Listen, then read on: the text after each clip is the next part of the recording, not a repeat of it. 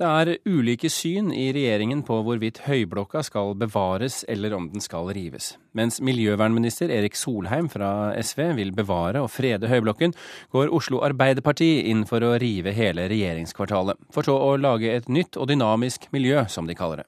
Vi ønsker å samle alle departementene i ett miljø, sånn at samspillet, nærheten mellom departementer og departementer og storting kan bli enda større. Et dynamisk og velfungerende departementsfellesskap det er hva Jan Bøhler og Oslo Arbeiderparti ønsker.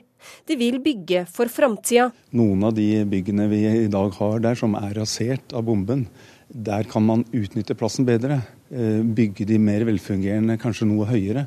Og man kan også bruke plassen bedre hvis man stenger gatene og kan bygge tettere inn til, eh, inn til dem. Han sier at Utenriksdepartementet og Miljøverndepartementet også bør flytte til regjeringskvartalet. Og det vil gjøre at regjeringssystemet fungerer enda mer eh, godt sammen, og også kommer tettere inn på Stortinget. Høyblokka er en utrolig viktig del av norsk kulturhistorie. Regjeringskamerater med forskjellig syn. Miljøvernminister Erik Solheim fra SV vil bevare Høyblokka. Den er altfor viktig til å rives. Det er ikke noen tilfeldighet at det var akkurat her, eneste stedet i Norge, Picasso lagde tegningene. Jeg står her med et litt artig klipp hvor Med gamle aviser viser han til tidligere debatter. Aftenposten fra 1979. Einar Gerhardsen og Trygve Bratteli sier at stortingsbygningen er den styggeste bygning i hele verden. Det er ikke mange som mener det i dag. Trygve Bratteli og Einar Gerhardsen ønsket den gang å bygge nytt. Det ble ingen riving av Stortinget. Men dette viser at hva vi syns er stygt i dag, endrer seg, sier Solheim. Stavkirkene ble i sin tid regnet som stygge, derfor reiv man dem i de fleste bygder i Norge. Jugendbyen Ålesund, Bryggen i Bergen, det vil man også rive. Det er ulike syn i regjeringen hvorvidt Høyblokka bør bevares eller ikke. Solheim er ikke sikker på om han har sitt eget parti, SV, i ryggen. For det, La denne debatten gå. La den gå på tvers av alle partiskiller, så får vi se hva ulike mener. Ja, det sa det var reporter Ellen Omland du hørte her. Kulturkommentator Agnes Moxnes, eh, det vi hører her, hva betyr det egentlig? Ja, Det betyr jo, eh, som vi hørte her også, at det synliggjør at det er en uenighet i regjeringen. Eh, det har vi vel visst, men nå kommer det tydelig til uttrykk. Det er jo slik at det er Rigmor Aasrud som har liksom kjørt eller hatt ansvaret for denne saken. Og jeg tror nok at det som det hun tenkte på i begynnelsen, det var og tok hensyn til, det var eh, dette her med at det var et, eh, altså at det var et, et, følelsesmessig vanskelig sted for folk å komme tilbake til. Eh, dessuten så er det et upraktisk, som Jan Bøhler sier her også, et upraktisk eh, kontorbygg. Eh, gammeldags, og at man nå kunne liksom benytte anledningen til å rive det. Og så visste jo hun det mange vet, at det er eh, flust av folk som ikke syns at det bygget er noe særlig fint å se på. Så alt dette her var argumenter som nok hun syns var veldig gode. Men det hele forandret seg nok da Statsbygg meldte inn at, at blokka sto fjellstøtt. Da kom eh, nye argumenter på banen, en annen type argumenter. Da konkluderte Riksantikvaren med at han ønsket å frede Høyblokka. Eh, bygget som eh, symbol både på liksom et politisk system, 22.07, og, og norsk arkitektur, er blitt viktigere og viktigere etter etter det. Eh, og eh, så etter hvert så har jo også Oslo kommune gitt klar beskjed om, de er jo vertskommune for regjeringskvartalet, de ønsker at blokka skal stå.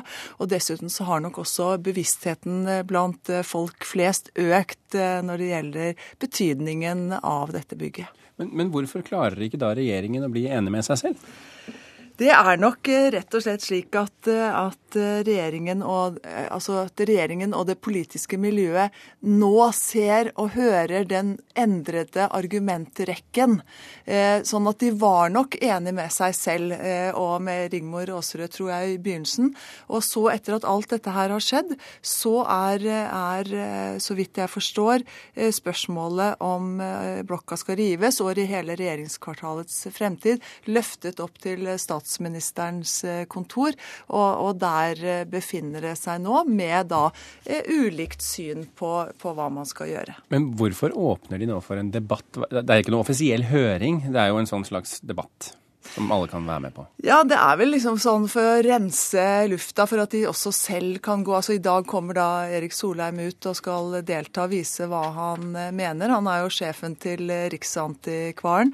Eh, sånn at det som nå inntil nå har vært en svært lukket prosess, der blir nok liksom dørene og vinduene åpnet opp, og, og argumentene skal nå luftes. Og det er, hva skal vi kalle det, tre områder eller tre metoder de nå ser for seg. Ehm, kan du redegjøre litt for de, og hva, hva sannsynligheten av dem? Ja, altså Det er jo egentlig ganske enkelt. For det er enten å rive høyblokka eller å, å la den stå. Men så er det dukket opp et tredje alternativ også, og det er at man lar eh, Picasso og Carl Nesjar og Inger Sitter, altså integrerte, den kunsten som er integrert i blokka, stå. Eh, også at man river og bygger videre på den. Men det viser vel egentlig med all tydelighet at, eh, at uh, man her liksom virkelig prøver seg frem for å finne løsninger som Eh, som egentlig virker litt sånn tullete. Det er som å rive Slottet, og så lar du balkongen stå igjen. Og jeg vil tro at norske arkitekter ville vegret seg veldig for å gå inn på en sånn løsning, og også de antikvariske myndighetene. Hva slags rolle har Riksantikvaren hatt her? Riksantikvaren har, ble jo spurt før 22.07 eh, om eh, man skulle frede Høyblokka.